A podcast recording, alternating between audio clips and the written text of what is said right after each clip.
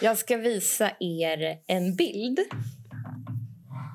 Ni ska få gissa vad det är på den. Vad, vad ser ni? Beskriv. Miljonprogramsområde i en soluppgång. Eh, Ja. Jag tror att det är en förort. Det är så Ja. AI-svar, känns det som. Ja. Det, det, jag vet inte varför, men för någon anledning så känner jag igen det där från, från SDs valfilm. Och jag vet inte om det är där som jag borde känna igen det ifrån. Men eh, det Tror gör med jag. Socialdemokraterna där. Alltså, det är ju våra ja, områden. Ja, Marcus är inne på rätt spår. Ja, men jag tänkte att det är en solnedgång. Solen går ner i, eh, Ja. solen går ner i eh, Dålig AI. ja. Hallucinerande. Och jag skulle in och läsa Ny riktning för Sverige 2030 som är ju den stora eh, arbetet med att ta fram partiets framtida politik. Men jag kom inte längre än att gissa vad- på vad som är på bilden. Ehm, och min bästa gissning, för jag bildsökte ju på Google, den trodde att det var Malmö, men jag ser ju Mälaren och sen ser jag en tunnelbana, det är Bredängs tunnelbana och miljonprogrammen det är Sätra området och så har vi något, det här vattentornet då. Ehm, så vi ser Sätra vattenreservoar. Det är min gissning. Någon på Socialdemokraternas hemsida som får gärna berätta att jag har rätt.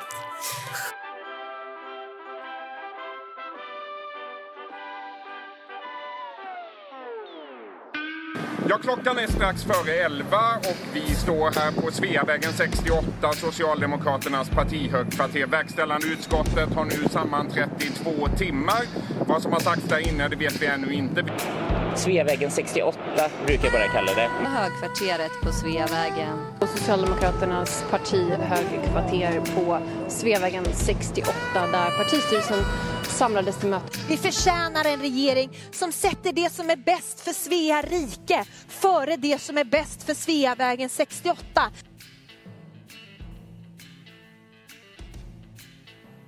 Hej och välkomna till Inifrån 68.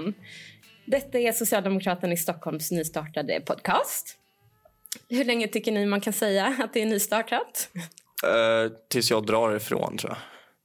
Åh, ja. Ja, Du ska ta ett litet jag ska dra till, på, till Australien. Så att, eh, tills dess så tycker jag vi kör. nystartat. Nystartat, Mm. Och det precis. är hela tre avsnitt till efter det här faktiskt. Just det. Jag som ställer frågorna heter Eli Rätväg och är ordförande för S-föreningen och SSU-klubben SSU 25+. Och med mig har jag två medlemmar, bland annat, men som är väldigt aktiva i rörelsen och engagerade sossar. Viktor Dahl och Marcus Lindeberg Gonji. Hej. Idag har vi en gäst som ska prata om dagens huvudämne, partiets listsättning. Innan dess ska vi prata om eh, senaste sossenytt. Och vi kommer avsluta avsnittet med att bemöta ett högerargument. Och det är som vanligt poddens tre delar. Och jag var ju inne på ny riktning för Sverige 2030. Men det är faktiskt inte veckans senaste sossenytt. Eh, utan bara någon vecka efter att Tobias Baudin då presenterade de här nya samhällsanalyserna som ska ligga till grund för partiets framtida politik så höll han en till pressträff. Eller hur, Marcus? Ja, men precis. Vi får väl anledning att återkomma till de här arbetsgrupperna Ny riktning för Sverige i senare avsnitt. Det senaste presskonferensen, den senaste presskonferensen var, som jag tänkte vi kunde prata om idag, var eh, Socialdemokraternas strategi inför EU-valet. Det stämmer. Och medan vanligt folk håller tänker på julklappar tänker partiet på valrörelse. Och du såg ju presskonferensen när han presenterade ju valstrategin, va, Viktor? Går den att sammanfatta med tre ord? Ja, tre ord. Målet, prioriteringarna och motståndaren. Snyggt. Tack. Och eh, med fler ord då? Eh, yes. Så eh, S har ju då minskat i varje val i Europaparlamentet sen gick med i EU. Ehm, och målet är den, denna gång att öka. Och prioriteringarna då har blivit då istället för ja, tre ord, fyra kategorier. Eh, säkerhet, terror och gängkriminalitet, klimat och miljö och ekonomi. Och i den presskonferensen så uttalar man också en huvudmotståndare där man säger att SD är den huvudmotståndaren och att Moderaterna är för ett litet parti. De är helt enkelt inte relevanta menar Baudin. Ehm, och eh, största konfliktlinjen i och med att SD vill då alltså utvärdera EU-medlemskapet. Ehm, eftersom nu behöver vi faktiskt EU istället för att ja, vi måste hålla ihop och inte dra isär eh, när vi har så viktiga frågor att eh, lösa. Mm. Och nu när Viktor brutit ner det så snyggt här i mål, prioriteringar och motståndare. Vad tänker du om målet, Marcus? Alltså generellt tycker jag att strategin är, är bra. Målet att, inte, att, att gå framåt och helt enkelt kan gå framåt med 0,1 procentenheter det, jag förstår att man, man väljer att göra på det här sättet men det är lite lågt sagt. Jag hade kanske velat ha ett ännu lite mer djärvt mål. Kanske ta en, en till plats så vi går från fem till sex ledamöter till exempel. Alltså, de, för fem år sedan i det här läget inför förra valet, eh, så ett halvår före, så låg vi på 30, 30,5 i SCB-mätningen. Nu ligger vi runt 36-37 i de nationella mätningarna. Och sen är det skillnad på EU-val och, och, nationellt val, men det borde ändå spilla över i någon utsträckning. Så att, eh, lite djärvare kanske vi hade kunnat vara. Mm. Har du mer till övers för prioriteringarna? då? Prioriteringarna tycker jag är bra. Jag var själv med under hösten och släppte en rapport med klimatnätverket inom Socialdemokraterna, Kära framtid. Och där drev jag att klimatfrågan skulle vara en av prioriteringarna inför valet eftersom att så mycket klimatpolitik beslutas just på EU-nivå. Och det var skönt att se att, eh, att det blev så. Jag tror också att säkerhet är en bra prioritering, en bra första prioritering som kan byggas ut med kampen för demokrati, rättsstatens principer, för jämställdhet. Där har vi en tydlig konflikt också mot Sverigedemokraterna, mot högern. Och sen tror jag det är klokt att prata om, om inrikesfrågor. De är viktiga och visa på att EU också har svaren, också har lösningar för att hjälpa oss med gängkriminalitet men också plånboksfrågor. Mm. Och den snor, stora snackisen är ju att utse SD som huvudmotståndare. Vad tycker du där? Här är jag lite delad.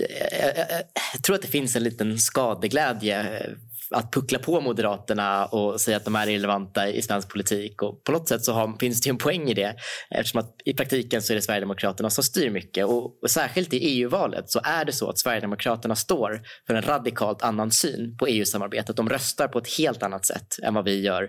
De röstar emot rättsstatens principer ibland. De röstar emot eh, allt som har att göra med klimat till exempel och de vill ju utvärdera eh, medlemskapet som Viktor var, var inne på. Eh, samtidigt så eh, tror jag att vårt parti på, på lång sikt tjänar på att ha en konflikt med Moderaterna där höger-vänster-dimensionen är dominerande. Jag tror inte bara vårt parti tjänar på det utan jag tror också att samhällsdebatten i stort skulle tjäna på om det var mer fokus på de ekonomiska frågorna än på det här kulturkriget som vi har. Och jag är rädd för att det blir lite så som när vi utmålade Kristdemokraterna som bara vår huvudmotståndare eller som, som en prioriterad motståndare inför, inför tidigare val. Att de gick framåt och jag är rädd för att Sverigedemokraterna också gynnas av att vi så tydligt tar konflikt just med dem. Vad tänker ni? Ja, jag vill tro att det finns en till dimension i detta. Jag tänker mig att våra S-ledare förstår att det kommer väcka de här känslorna som det blir när Tobias Baudin säger att SD är huvudmotståndare. Och känslor liksom i alla läger, vitt och brett. Och att en dimension skulle kunna vara att det finns en chans att fler människor i Sverige bryr sig om EU-valet för att det blir liksom de här mer känslomässiga reaktionerna kan det faktiskt öka valdeltagandet. Jag, jag tror att det är mycket möjligt att SD fortsätter att öka. Eh, men jag vill tro att EU-valet kanske når fler individer så att det inte bara är 55 procent som röstar. Alltså det är ju liksom strax över varannan person. Ehm, och det har gått bättre i Sverige med EU-valdeltagandet än eh, EU-snittet. Vi har liksom röstat lite mer än vad man gör i EU. Marginellt mer, några procentenheter mer. Ja, men, ja, ja, tror fyra procentenheter mer. Mm. Ja. Eh, och vi har också ökat sed, sedan EU-valet var tidigare också. Så att lyfta Sveriges mest avskydda parti till strålkastarljuset borde väl ge något resultat, hoppas jag. Mm. Alltså, ja, jag får flika in med en liten snabb kommentar. Men jag vet inte, spontant, alltså jag har ju pratat med en del som är så här, en del sd till exempel. Vissa är ju lite så här, det går typ inte för ett rimligt resonemang. Men flera som jag har pratat med faktiskt, de har varit så här, men de är ju basically sossar, men de har köpt liksom det här invandringsnarrativet av, av SD och ändå kan liksom resonera på, men, alltså, som gemene man typ och ändå, alltså, ja. Och jag bara undrar ifall de man distanserar sig från den typen av, av väljare. För att liksom när jag snackar med, typ, okay, ja, vi säger att han heter Emil, typ, han heter något annat egentligen. Men så här, han verkar som liksom, vi kan ändå mötas. Eh, och jag undrar bara om det här polariserar oss två. För då sen så här, när han säger okej okay, men hallå sossarna gör oss till huvudmotståndare. Eh, bara så här, ja, då måste jag då sitta och liksom resonera och förklara kring det. Jag tror att många som har gått till SD bland annat, kanske viss så många är absolut, jag tror det är 5 procent förnekar klimatet och grejer. Liksom, man kan vara trötta lite grann på de här utspelen. Jag undrar ifall det finns någon dimension där man kanske distanserar sig lite från de här människorna som egentligen, egentligen är schyssta personer men de har bara gått lite snett menar jag då. Eh, men ja, annars så, så, så, om det ökar valdeltagandet tycker jag också att det är bra för det är också varit rätt, det är ju lägre än liksom nationella. Så ja. Mm. Då är vi nöjda där. Det var veckans senaste Sossenytt.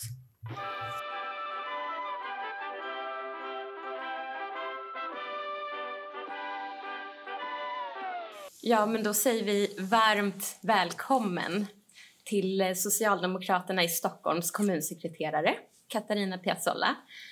Och jag tycker det känns extra kul att välkomna dig här idag. För att på andra sidan korridoren så har vi ju Grottan Ehm, som väcker starka minnen hos mig när jag var anställd som valombudsman. Så du är ju min gamla chef.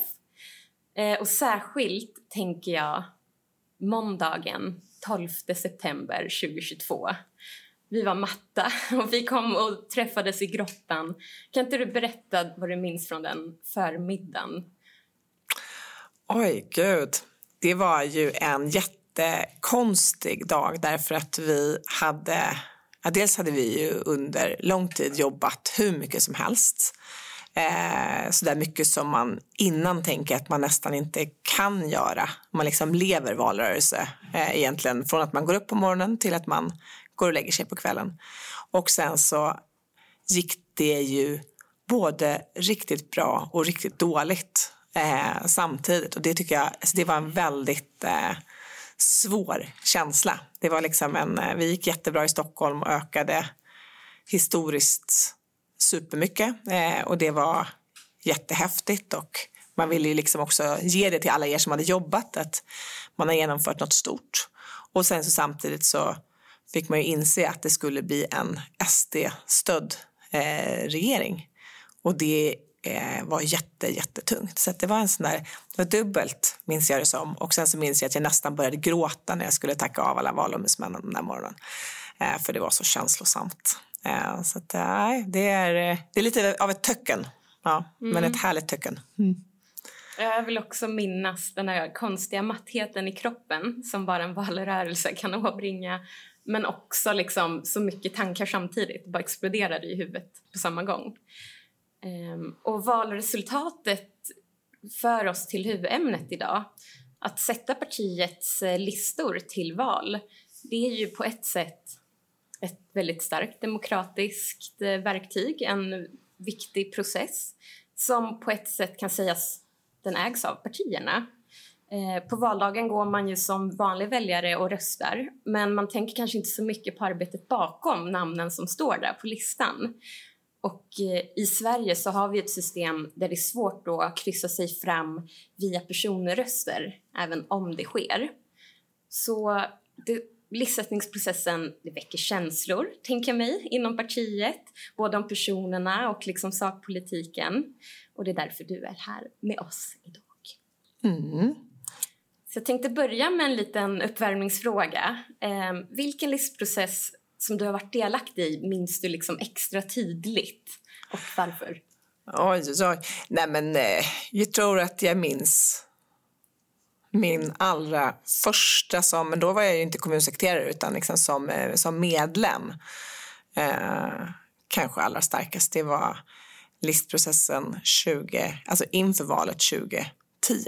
Eh, så det var hösten 2009 Eh, det var mitt, eh, mitt första möte med den, liksom, med att sätta listor där man hade partikamrater som man ville ha in på listor och skulle försöka förstå hur, hur man gjorde det eh, och vad som, egentligen, liksom, vad som egentligen spelade roll och vart makten fanns och så vidare. Så att, den, är, den är stark också för att det liksom var ja, men slitsamt. Det är ju slitsamt. Du är lite inne på det. Det väcker mycket känslor. Så, var det ju, så är det ju, tror jag, alltid när man har att göra med personval. Oavsett faktiskt vad man har för system för det så hamnar man i ett läge där man har ett, ett antal partikamrater som man ofta har kanske också personliga relationer till. Och sen så ska man väga dem mot varandra och säga vem av dem man prioriterar högst. Det är eh, supersvårt eh, och det är det nästan oavsett vilken funktion man har i processen så är det jobbigt även som ja, liksom innan man är, sitter i någon valberedning eller sådär. Att man kanske måste välja om det är Marcus eller Eli som man ska slåss för eh, i, en viss, i ett visst läge. Liksom. Och så var det då. Det var mycket känslor. Mm. Mm. Um, och det var 2000, inför valet sa du 2009. Satt ah. du liksom i en valberedning då? Nej, nej det gjorde jag verkligen inte. Alltså det här var ju 2009 så det var inför allmänna valen 2010. Nej, jag var bara, jag var ordförande för min lilla S-klubb. Och eh, hade liksom, så det var, det var ju, och jag var ombud på representantskapet och fick liksom ändå vara med och fatta de där besluten. Så det var liksom det första mötet och det var liksom, jag tror att det är därför som den är så stark. Eh, och sen så hade jag förstås också liksom personer som vi drev eh, och som vi hoppades på. Det var ett sånt där, ett av de valen när vi var eh, under 35. så att, eh, det handlade väldigt mycket om att få in unga personer eh, på listorna för oss. Det tackar vi för. ja, men vi som var unga då har blivit gamla nu. Så att, ja. Mm. Okej, så att, eh, 14 år sedan alltså första, första listprocessen. Vi har en riktig veteran i, i, i det här. Den senaste listprocessen var inför Europaparlamentsvalet eh, och det är en av anledningarna till att vi bjuder in dig precis just, eh, just nu. Och jag är lite extra nyfiken just eh, på det eftersom jag har jobbat nere i Bryssel med det här, hört mycket rykten om, om listan och varit Eh, liksom med lite i bakgrunden hos olika kandidater i, i Stockholm. Så jag är lite nyfiken på, på processen. Alltså först och främst så eh, har jag förstått det som att det är föreningarna ofta som nominerar ett antal kandidater som de tycker är, eh, passar bra och så skickas det upp till distriktet, Stockholmsdistriktet till exempel, som väljer ut ett antal prioriterade kandidater som de sedan driver mot de andra distrikten och sidoförbunden och sen är det upp till partistyrelsen att fatta det beslutet och, och du är då den eh, första ombudsman eller kommunsekreterare som representerar de Stockholmskandidaterna i den här processen. Är det, stämmer det eller vill du fylla på lite? Ja, men det stämmer lite. Alltså, man ska väl säga först att det är ju en, det är en nationell process. Det gör ju att vi varje distrikt gör kanske lite olika. Vi gör, inte, vi gör inte på samma sätt. Stockholm är alltid lite annorlunda därför att vi är både partidistrikt och arbetarkommun samtidigt. Eh, de flesta partidistrikt Eh, inte Stockholm, inte Göteborg och inte Gotland. Men de flesta andra de är partidistrikt som har ett antal arbetarkommuner under sig. Eh, så de jobbar aldrig direkt gentemot sina föreningar skulle jag säga. Utan det är specifikt för oss som är arbetarkommun. Eh, men vi har det så att föreningarna eh, skickar in nominerade namn och sen så eh, väljer distriktsstyrelsen ut bland dem. Eh, vi, jag, tror, jag minns inte, men jag tror att vi fick in 17 olika kandidater eller något sånt. Eh, och sen så väljer vi ut och, och eh, i distriktsstyrelsen. Och sen så är det ju också så att vi försöker hitta tillsammans med vårt granndistrikt Stockholms län. Eh, för vi är då i partiet nationellt så är vi en gemensam partiregion som det heter. Och sådana finns det ett antal.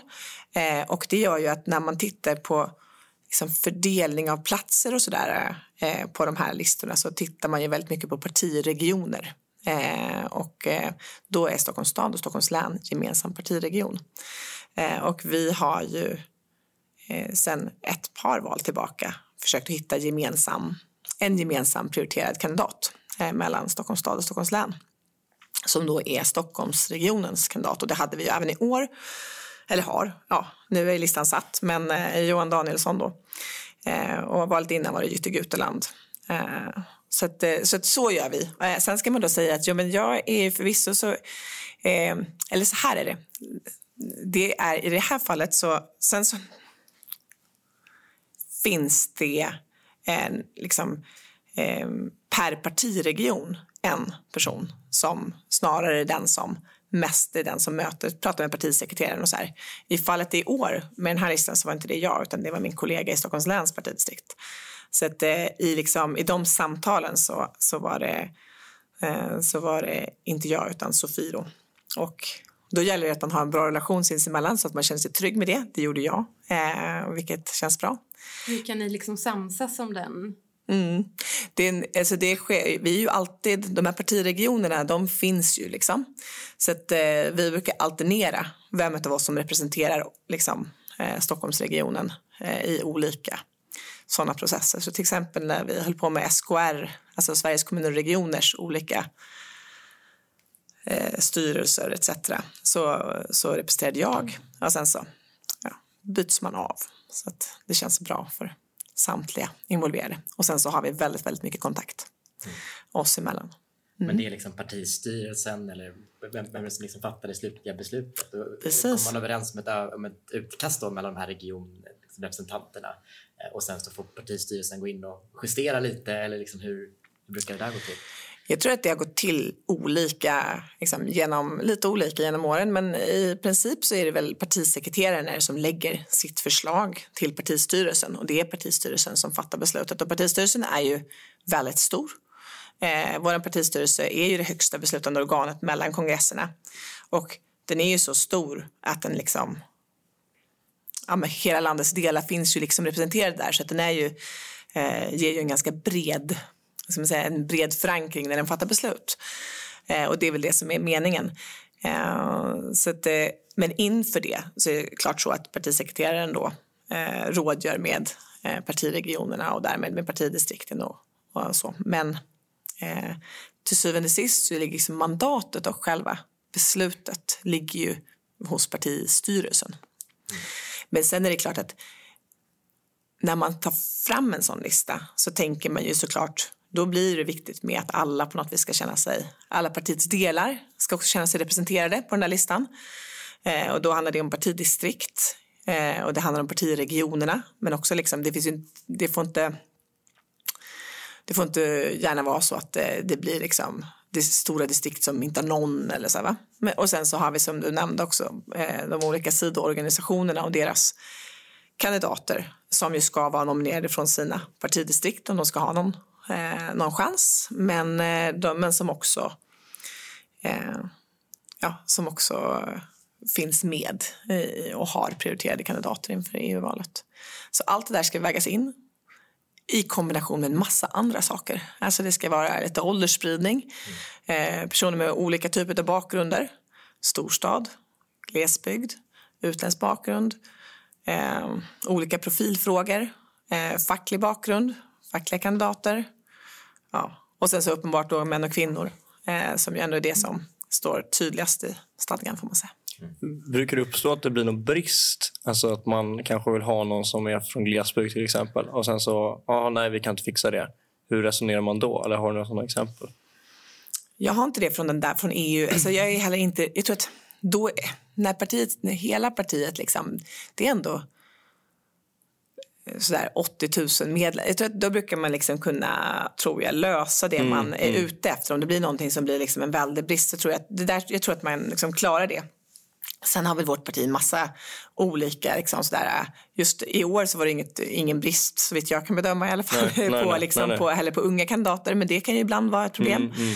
Eh, lokalt har man ju mer den där typen av, alltså vi saknar någon som har den här profilen eller den här åldern mm. eller vad det mm. kan vara.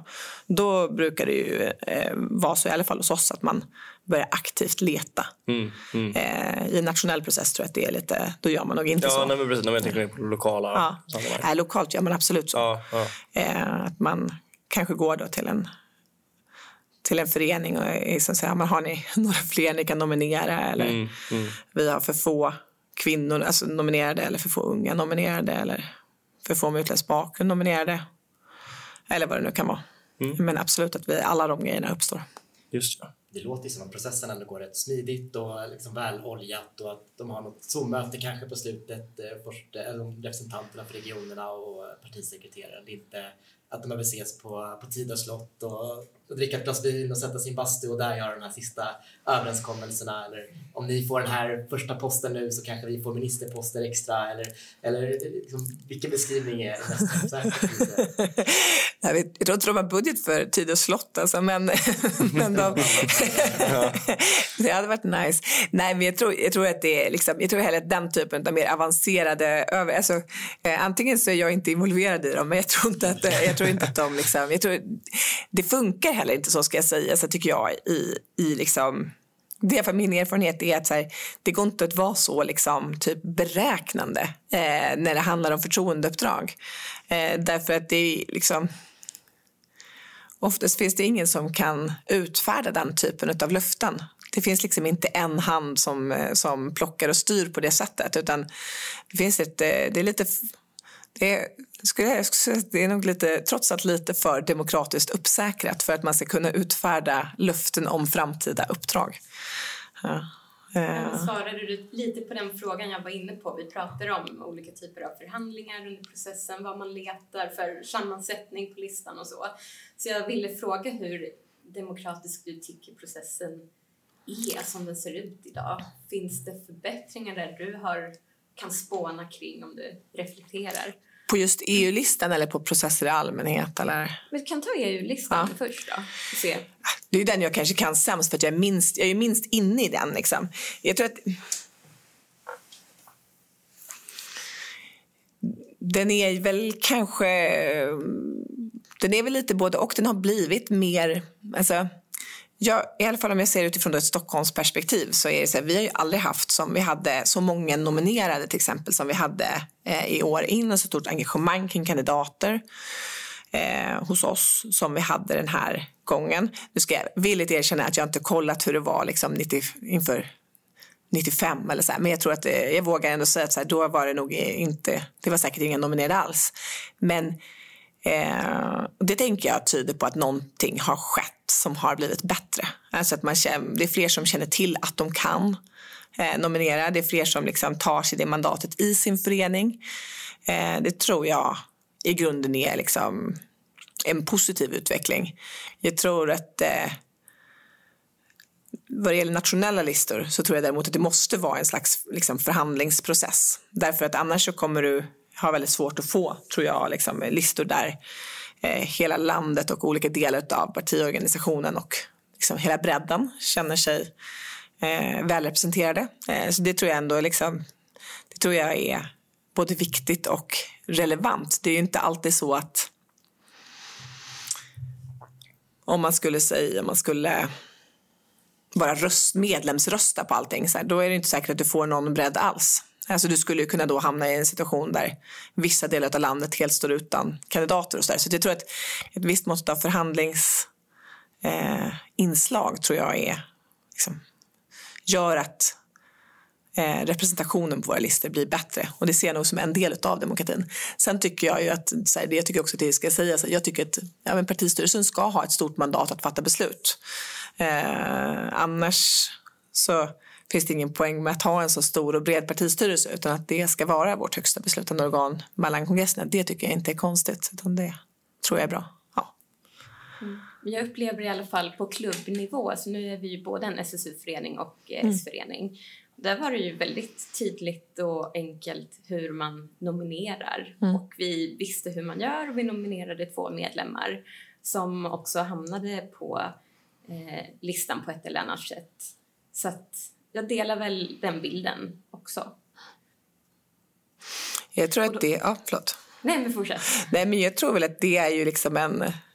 Jag kände i alla fall den här gången att det var ett lite... Liksom, det var lite för oss lite nytt med så pass många som var engagerade i processen. Och som jag tänker så här, det får vi fundera på lite framåt också. Jag tycker att det var eh, positivt. Jag såg att Sundbyberg till exempel, de hade en hearing med alla de här 17. Nu var inte jag där, jag vet inte hur hur bra den blev eller sådär va. Men jag har ändå hört från de som var där att det blev ganska bra. Och den typen av inslag tänker jag, så här, det är väl sånt man kan fundera på till nästa omgång också för att då få en liksom, större bredd så att även föreningar som då kanske inte har, som ni gjorde då, varit aktivt med från början också kanske kommer in eh, och känner sig mer delaktiga hela vägen om man säger. Så det tror jag ändå är, om man ska säga någonting som jag har funderat på så tänker jag att det kanske är någonting som vi ska fundera på nästa vända. Vi gör ju så när vi har våra lokala kandidater. Jag tänker också alltså, demokratiskt, interndemokratiskt har pratat mycket nu, men generellt demokratiskt i, i landet att ha det personvalssystem som vi har där så pass få lyckas kryssa sig fram.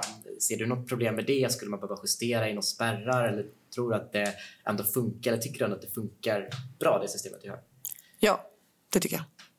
Ja. Det är mitt liksom korta svar. Jag vill inte ha, jag vill inte ha ökat eh, personvalsinslag, nej. Utan jag tycker att det är, är ganska lagom. Jag tycker vi, vi har ändå folk som kryssar sig in. Alltså, det är klart det är svårt att kryssa sig in nationellt. Det har hänt. Eh, om man är eh, skicklig så kan man göra det. Liksom. Men eh, lokalt så är det ju inte helt ovanligt att man klarar att kryssa sig in. Jag har flera i kommunfullmäktige och regionfullmäktige som har tagit sig in den vägen. Och det är ändå så att om, om du får många kryss i ett val då kanske du har större chans att hamna på listan nästa val. Eller om du får många kryss men kanske inte högst upp på listan ändå har större chans att få en tyngre post efter valet. Så att det systemet verkar, det finns studier också på det här som verkar som att även om det är svårt att kryssa sig fram hela vägen, om du inte är högt upp på listan så går det ändå att liksom, den vägen Ja. korrigera listan. Men det är ju ett sätt, och jag tycker att det är ett bra sätt att visa att man har, att man har förtroende. Eh, liksom ett bredare förtroende än vad vi kanske har sett då i, en, liksom, i den parti, partiinterna processen. Så jag ska säga så här, jag är också positiv och det är vi liksom, jag vet att olika partidistrikt tänker olika kring det. Vi är ganska positiva till att man får driva personvalskampanjer, att man liksom Eh, jag ser väldigt mycket fram emot det i EU-valrörelsen, till exempel med våra eh, Stockholmskandidater, att vi ska liksom, se till att folk i våran stad känner till de nu ganska många som vi har fått in på, på listan. Så, där. så det tror jag är, så här, det är bra. Det skapar också engagemang och eh, gör att man får chans att visa framfötterna lite innan man kanske har nått liksom, topp-toppen av politiken. Så det tycker jag är positivt. Eh, Jag är ganska, det är så himla tråkigt att vara nöjd med systemet men jag är ganska nöjd med den delen. Ja. Och det är okej. kan du komma på något namn på någon som kryssade sig in i kommunfullmäktige själv? Eller man ska säga? Ja, Nasser som sitter i kommunfullmäktige idag, han behöver inte kryssas in längre. Men, eh, men han är ett sånt exempel på en person som har eh, kryssat sig in. Eh, en annan kille som heter Hassan Said eh, kryssade sig in valet 2010 tror jag. Och så, så att vi har ett... Eh, ja. Till riksdagen då? Kommer du på någon där? Inte från Stockholm. Jag vågar inte svara på de andra distrikten men jag är ganska säker på att det är svårt att kryssa sig in. eh, Men det beror, alltså, det är väl, beror väl på flera saker. Det är många som röstar S eh, eh, i riksdagen, en stor valkrets. Man behöver, man behöver vara rätt känd. Sen har vi som regel hyfsat kända människor på de där listorna också. Så att de tar ju en del kryss. Alltså det är så, Anders Ygeman drar ju en del kryss själv liksom, så man har ganska tuff konkurrens. Ja. Ja, vi kommer komma in på honom sen. Men nu har vi en liten, ett segment som Marcus har eh, klurat på. Mm. Spännande. Just det. Ja. Men ni- jag har ju gått Bommersviks eh, akademin Mm. som är ledarskapsutbildning för unga Jag har också gått den. arbetarrörelsen. Har du också gjort det? Jajamensan, 2012. 2012. Har du Mm. varit tillbaka någon gång? Året Ja, efter? det har jag. Ja. Ja. Just året efter. Sen har det aldrig, jag fyller år oftast när de har den här kretsen runt Bommersvik. Ja, typiskt. Ja, jag sa dåligt 2012. datum. Tioårsjubileum nästa år. Du går också den, eller hur Eli? Nej? Jag har tänkt söka. Du tänkte Jag söka? fått chansen. Jag tänkte söka. Där gjorde vi i alla fall ett projekt där vi tog fram en lista på viktiga egenskaper hos eh, personer som vill hamna på listor som valberedningar kanske tycker är viktiga till exempel. Eh, och vi har kokat ner den till, eh, nu ska vi se om vi kan göra det här utan att bordet börjar vibrera för mycket så att vår producent blir orolig. Och då har jag skapat sex stycken liksom, egenskaper här som jag tänker att du ska få rangordna. Vad är det som är viktigast när listor sätts eh, idag? Och det är inte vad du tycker ska vara viktigt utan vad du, hur, hur du läser partiet eh, idag. Och då tänker jag att alla, säg att du har sex kandidater, alla har de här egenskaperna i någon utsträckning. För om du inte eh, kan någonting om sakfrågor, ja, men då är det svårt att hamna på en lista. Men det finns någonting som sticker ut hos en Mm. av varje de här kandidaterna. Så att då har vi doern, den som har lyckats åstadkomma något eh, resultat politiskt tidigare. Vi har retorikern som är otroligt skicklig på att kommunicera och vinna debatter. Vi har experten som som kan mycket i sakfrågor. Du har ju lojalisten som alltid följer partiets linje som man alltid kan lita på. Eh, Mångfaldaren kallar vi den, någon som kan bidra med något nytt perspektiv till listan, kanske en klassbakgrund eller, eller något annat. Och maktbasen, den som, eh, som har starkt förtroende eller stöd hos viktiga grupper inom, inom partiet. Mm. Om du får ranka de här, vilka är viktigast? Men jag tror bara för att vara tydlig så ska jag säga så den som är toppen, alltså om man ska säga så här, som inte är med, det är ju Alltså man skulle kunna tolka in, om man snällt tolkar maktbasen skulle den kunna vara det. Men jag vill säga så här, förtroende hos övriga medlemmar. Det är ju det absolut viktigaste. Och det finns ingen valberedning som heller kan åsidosätta det. det är liksom, så det är alltid, bara för att vara tydlig, så det är nummer, nummer ett. Och när folk frågar mig om råd, vilket de ibland gör, så här, om hur man ska eh, komma in på en lista och sådär. Då är det så här, ja men folk måste veta vem du är och ha förtroende för dig. Eh, det är, och det måste vara tillräckligt många. Det kan inte bara vara din lilla klick utan det behöver vara eh, en större grupp. Så det kräver lite hårt jobb eh, men det är inte omöjligt för om man är en rimlig individ så att säga. Ja, men med det sagt. Maktbasen, så det var, ja, men, det, men, det, men den heter så här viktiga aktörer så jag tänkte så här, ja, ja, ja i alla fall. Eh, men då tänker jag så här, då, då kanske jag ändå ska säga maktbasen först då om man, liksom, om man får bredda den på det sättet. Sen så tycker jag att det är lite lurigt mellan retoriken och doen. Eh, men jag tror att doen går före retoriken. Alltså, det, nu vet jag inte vad de har för egenskaper i övrigt, men någon som bara är retoriker, den är ju kul första mandatperioden. Sen så tycker man att den ska uppnå någonting. Eh, och eh, sen så behövs ju mångfaldaren om man nu får liksom, det är någonting som vi saknar, så tolkar jag det. Då kan ju den eh, liksom, eh, bidra och komma in där. Lojalisten och experten, ja men de kommer nog i den rangordningen så att det blir lojalisten före då experten, tror jag. Alltså om man nu säger hur jag typ tror att det är. Ja. Och sen ska man säga lojalisten, jag till det, är ju, det utgår från att de flesta är på ett eller annat sätt. Men, men om det är en liksom primära linje så kanske det också är så att vi har ett ganska partilojalt parti. Så det brukar liksom inte vara någonting som gör att man bara wow, vad du är partilojal, då hamnar du riktigt.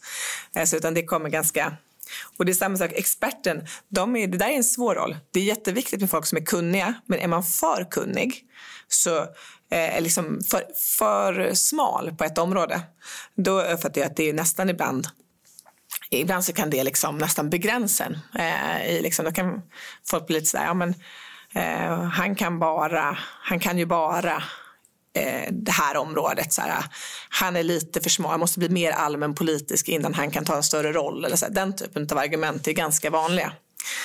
Däremot är man expert plus att man har eh, bredden, då kan man ju hamna högre upp.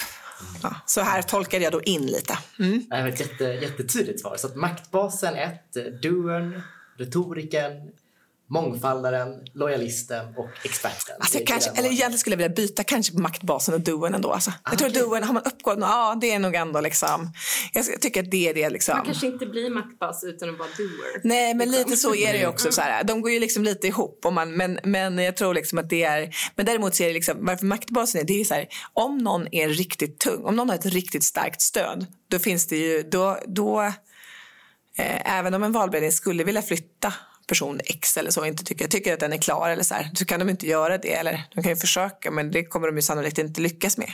Mm. Så det är ju liksom att ha stödet med sig från de som ska rösta till sist eller så. Det är ändå Kul, jag tog en bild på den här. Ja. Vi kan lägga upp ja. till alla som vill satsa på listor. Mm. ja. Nu, är du, nu har du sagt att du är väldigt nöjd med systemet i allmänhet. Jag vet inte om du är nöjd med det här systemet också. Är det någonting du, om du själv fick bestämma och värdera det här, är det någon du skulle vilja flytta runt eller du tycker det är extra viktigt med, med någon av de här? Håller du med liksom, så som pappa ser ut idag? Jag vet inte, jag tycker väl det är svårt. Alltså det är svårt att säga att man har, eh, man behöver ju ha en mix. Det är väl liksom en viktig sak. Jag vill inte ha, eh, en bra grupp i ett parlament måste ha flera olika eh, liksom, typer av politiker. Alla kan liksom inte vara den här retoriken till exempel. Men om vi inte har någon sån så blir det ju eh, inte heller så bra. Alltså vi behöver ha några som lyser. Men alla i en kommunfullmäktigegrupp behöver inte lysa. Mm. lika starkt. Så jag tycker det där är liksom på det viset lite svårt. Det som jag möjligen och sen så tycker jag då att så här, men förtroende, om vi tappar biten att förtroende är viktigt, om det skulle liksom sluta vara viktigt att ha förtroende hos, hos liksom partikamrater, men då, eh, då blir vi en annan typ av eh, liksom parti och rörelse. Eh, då, men så, då, då slutar skulle jag säga partiapparaten var viktig och folkrörelsen var viktig. Och då kan vi bli som vilket sånt eh, annat progressivt parti med liksom eh, eh, mera personcentrerade politiska kampanjmaskinerier eh, där man följer en ledare snarare än att ledaren måste liksom, se till att bli vald av sin bas. Och liksom.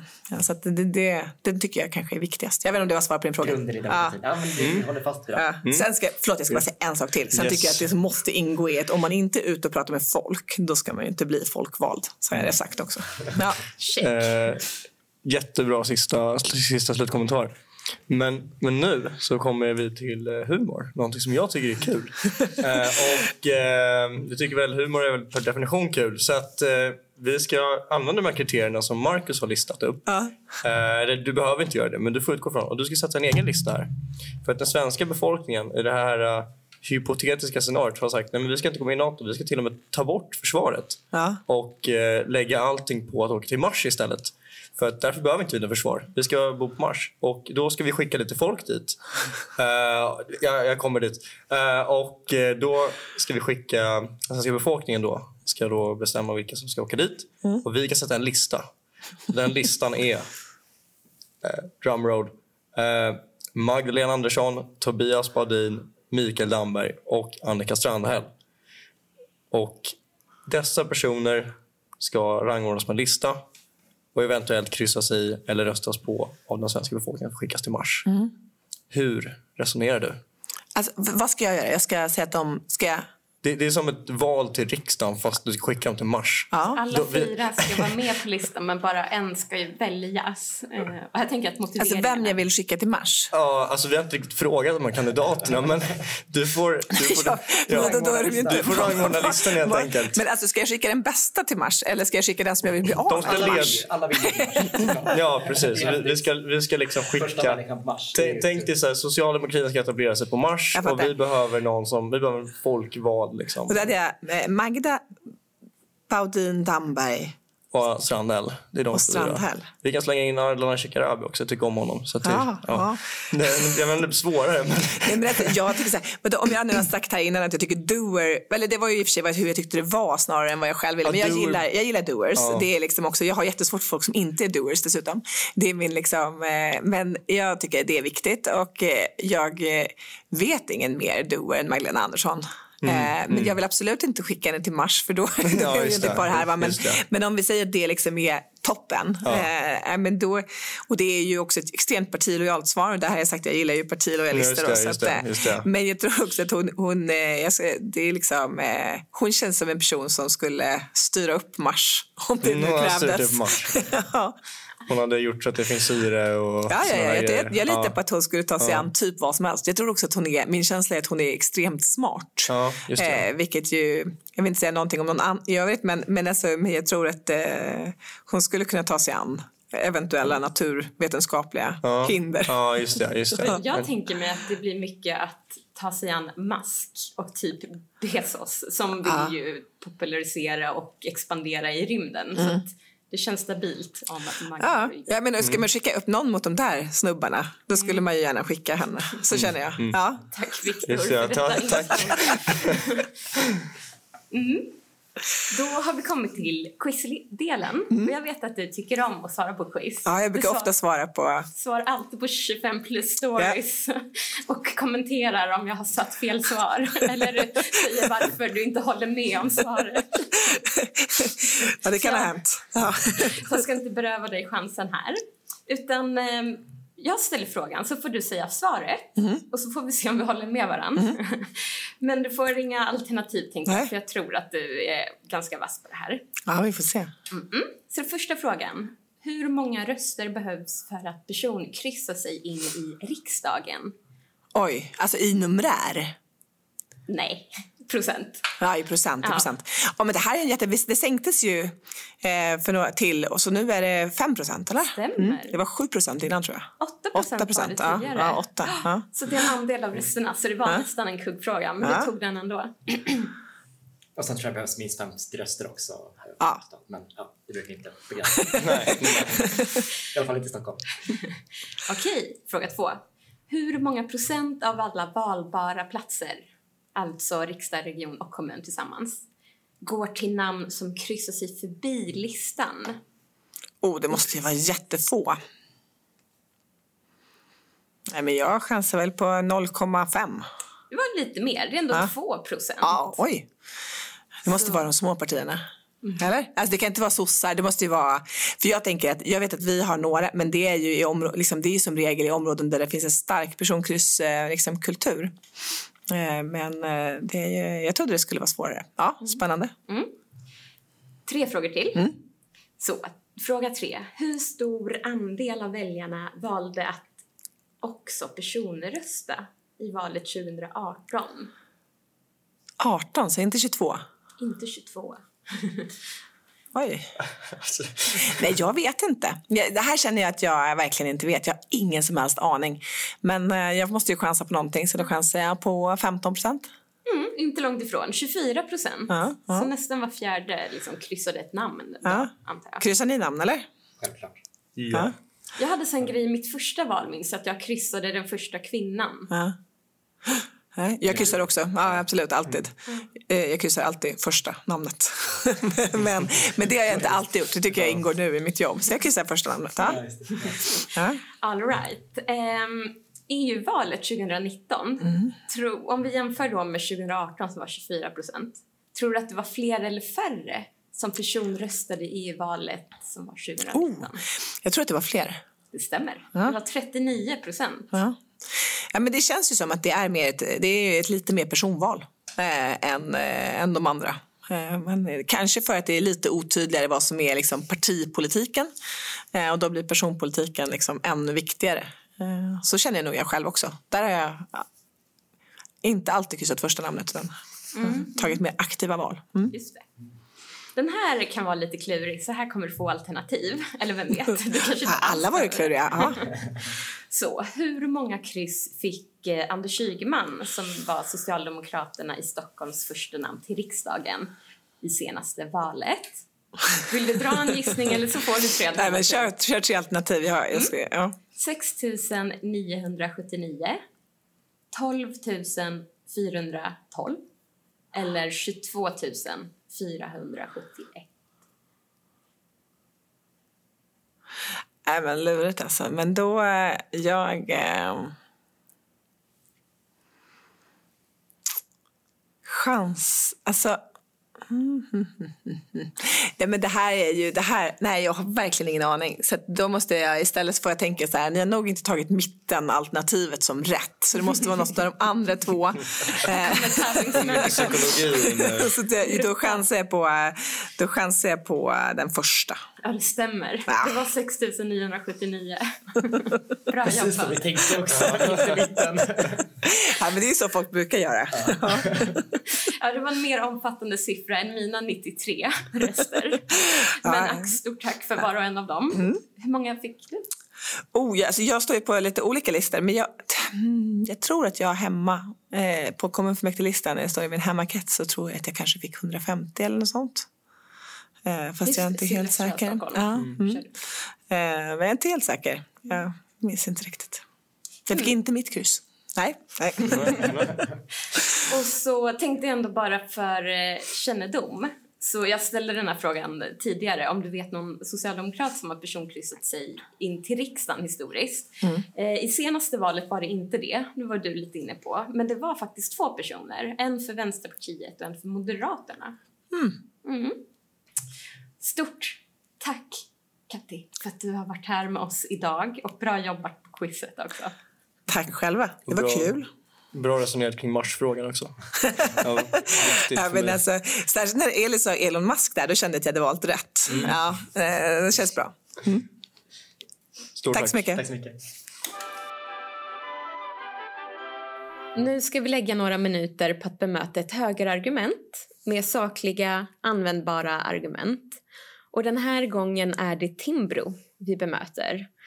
Eh, och Timbro är ju en opinionsbildande verksamhet som finansieras av privata företag via Svenskt Näringsliv. Så det är ett förlag och en tankesmedja. Värt att nämna är ju att vd för Timbro är ju PM Nilsson som för många har blivit känd som eh, att olagligt fiska ål och så var också Ulf Kristersson statssekreterare en kort stund. Och de har ju sagt något på sistone, Viktor. Vad är det de har sagt egentligen? Timbro säger att eh, öppettider på systemet inte påverkar konsumtionen av alkohol. Kan inte du berätta Viktor hur du kom in på det ämnet? Ja, det finns en backstory till det här. Och det var så att i somras så hade jag eh, inte jobb och därav mycket fritid. Och då tänker jag, men då ska man lära sig lite politik. Så då gick jag in på, på Socialdemokraternas hemsida, klickade på den här ATÖ-spalten då. Jag kom inte längre eh, till B, men då stod det A som i alkohol. Eh, och då skrev jag ner lite anteckningar i somras som handlade om just det här. Eh, och eh, det är ju återkommande, ja, eller ja, det, det är ett återkommande argument från Timbro. Eh, och jag tog, tänkte att det kan vara värt att ta upp. Mm. Och hur exakt lyder det här huvudargumentet som Timbro har? Eh, po poängen är att om folk har alkohol i hemmet så spelar det ingen roll vad öppettiden är. Eh, och då menar de därför att ja, öppettiden kommer att påverkas på konsumtion för man planerar sina inköp och köper hem massa alkohol. Eh, och de hänvisar då till att eh, i sin rapport 92 procent av eh, alla som konsumerar alkohol har alkohol hemma. Eh, och eh, så har de då, säger de att en individ har åtta veckors alkoholkonsumtion hemma. Jag vet inte hur de har mätt det, men ja, det, det är kontentan basically. Mm. Och i mina öron låter det som att Timbro försöker beskriva den svenska alkoholpolitiken som verkningslös. Man vill utöka öppettiderna på systemet eh, och eh, har då tagit fram det här argumentet. Eller håller du med om den bilden? Alltså, man ser ju inte det som de, de säger empiriskt. Eh, men, men, men, men jag, jag går in på lite rapporter senare, men, men spontant så tänker jag att så här, om man har mycket för, för logiskt sett så ja, men om man har mycket alkohol hemma då kommer man inte, inte göra, placera... Eh, då spelar det ingen roll vad öppettiderna är om man ändå planerar in. Eh, men spontant så tror jag också att många personer typ vet om att de inte borde konsumera så mycket alkohol. Och sen så köper de den mängd som de tycker är rimligt. Och sen när de sitter hemma och bara, ah, just det, nu har inte jag tillräckligt. Så, så, eh, så kan man inte konsumera. Eh, och det finns en viss portion psykologi här som jag tror att man underminerar. Eh, eh ja, men, men, men eh, ja, det, det är väl lite min spontana, spontana reaktion. Mm. Och eh, jag tänker också det låter ju ganska allvarligt att inte ha empirisk grund för, för sådana här åsikter som Timbro uttrycker. Alltså, är det inte lite farlig? Alltså det beror lite på vad man, vad man, vad man gör anspråk på. Om man är en organisation som vill vara, verka forskningsbaserad så kanske man också bör göra en litteraturöversikt och se om, om de påståenden man har faktiskt har stöd i, i litteraturen. Men om man inte har det så är det klart man får ha en åsikt och komma med lite argument och göra någon egen liten undersökning och stödja, eh, stödja sig på. Så det kan man ju diskutera. Då. Men, men just tillbaka till själva argumentet så tänker jag in lite grann på det spåret som du var, Viktor. Att så här, även om du har 92 procent av svenska folket har alkohol i hemmet så kanske det inte betyder att de har just den sort av alkohol som de vill konsumera vid det tillfället. Du kanske inte vill ta den där fina whiskyflaskan när du egentligen bara är sugen på eh, en, en billig öl. Liksom. Eh, och, och Sen tänker jag också att det finns en parallell med, med godis, sötsaker, annat där vi fattar beslut eh, när vi inte är som mest eh, rationella. När vi, när vi fattar beslut som vi kanske inte vill på, på lång sikt. Eh, och En intressant studie på, på det som jag hörde är när man bad deltagare på en konferens som skulle ha en, en middag eller vad det nu var. Och fick välja i, förhand tre veckor innan. Vill du ha efter, som efterrätt vill du ha en, en frukt eller vill du ha en kladdkaka eller brownie eller vad det nu var. Och, och då valde nästan alla en frukt eh, för att det, det är ju hälsosamt och bra. Liksom. Men sen när du ställer samma fråga precis efter den där, eh, efter att ett huvudrätten, vill du ha en, en, en, frukt eller vill du ha en, brownie? Ja, men då väljer ju alla såklart eh, efterrätten. Mm, mm. Så att vi är ju inte alltid i, i våra sinnesfulla bruk så att säga. Att vi, vi vill, det finns en poäng med att vi får folk att fatta besluten om hur mycket de ska dricka när de är som, som mest rationella och långsiktiga. Mm. Och det borde ju också på sikt kunna påverka konsumtionen. Men, men det här är bara en, en, en teori då om att människor fungerar på det här sättet och vi bara killgissar. Vi har ingen empiri än så länge så vi kanske ska kolla vad vetenskapen säger eller vad, vad litteraturen säger om det här. Mm. Ja, precis. Så att, äh, det finns ju rätt mycket omfattande litteratur men det finns en metaanalys som, som gick igenom då 44 studier på, jag ska tillägga dem, metaanalys, det är basically en, en studie som kollar på vad andra studier har hittat. Uh, och då kollar de på 44 andra studier uh, på då alkoholbutikers täthet. Alltså hur många alkoholbutiker ligger nära varandra. Liksom hur, ja. Och sen fem studier om öppettider kring olika tider och dagar. Till exempel är det öppet på helgen, är det öppet på söndag, är det öppet på veckor. Alltså så här, vilka tider är det? Eh, och då fann de en väldigt, väldigt tydlig slut, slutsats och det blir också mer förstärkt när det är alltså en, många studier, inte bara en studie, utan det är många. Eh, begränsad alkoholkonsumtion är ett effektivt sätt att motverka alkoholrelaterad skala. Det är den slutsats som de drar baserat på många studier, inte bara en. 59 studier får jag det till. Ja, precis. För det blir då 44 som är på alkoholbutikstäthet och sen så har du 15 studier om öppettider. De kan ju överlappa varandra också, Ja, så att så- mellan 44 och 59 om man ska vara exakt. Mm, Just det, mm. snyggt. Bra, det är ett effektivt sätt att motverka alkoholrelaterad skada Mm. med att begränsa... Ja, alltså be- begränsa alltså öppettider. Ja, eh, och som- Ja, och, och tillgänglighet på det sätt som vi gör i Sverige. Ehm, och ehm, en, en nyligen, eller väldigt nyligt publicerad studie, eh, nu ska jag se om det var 2023, men det ja, eller 2021 kanske. Eh, och då kollade man då för att olika kommuner i Sverige har tillämpat olika Eh, det finns eh, skillnader i öppettiderna mellan systembolagen runt om i kommuner. Och vissa har då valt, vissa kommuner har valt förlänga, vissa har inte gjort det. Och då har man kunnat jämföra dem och kontrollera för, okej okay, men säg att, eh, eller då kolla på hur alkoholkonsumtionsökning och då finner man att för varje förlängd eh, veckotimme så ökar alkoholkonsumtionen med ungefär 2% och det är ungefär 0,15 liter, ren, eh, alltså 0,15 eh, liter eh, alkohol per person. Sen finns det lite olika nyanser och det på vilken alkoholström. Men snitt så är det, 2 Och då är man också kontrollerat för, kan man säga att det är öppet på ett ställe och så är det stängt på en annan ställe i en kommun. Ja, men då kommer ju massa folk åka över dem. Men de har kontrollerat för det genom att tror jag, kolla på någon så här inom radie på 100 kilometer eller någonting. Det är inte rimligt att folk kommer köra eh, mer, än, mer än 100 kilometer. Något sånt. Eh, men poängen är väldigt små skillnader i öppettider genererar eh, mer alkoholkonsumtion. Så både i internationella studier, massor med studier man- som man sammanfattar och när man kollar specifikt i Sverige så märker man alltså att begränsar du tillgängligheten till alkohol så kommer också konsumtionen att minska. Mm. Och som är kopplat till alkoholrelaterad skada. Okej. Fantastiskt undersökt, Viktor. Tack, tack. Då har vi fått sakliga argument här för att bemöta Timbros ändå, som jag ser det, lite agerande mer som en lobbyorganisation för näringslivet som faktiskt ju skulle gynnas av ett försvagat alkoholmonopol. Men sanningen är nu att begränsade öppettider innebär lägre konsumtion av alkohol i Sverige och runt om i världen. Så, tack för att ni har lyssnat på Inifrån 68. Vi spelade in 20 december 2023. Producent är Andreas Kjellander och podden ges ut av Socialdemokraterna i Stockholm. Ha det gott! Ha det gott. Trevlig ledighet. Trevlig jag ledighet. Men det här kan ju komma efter menar jag.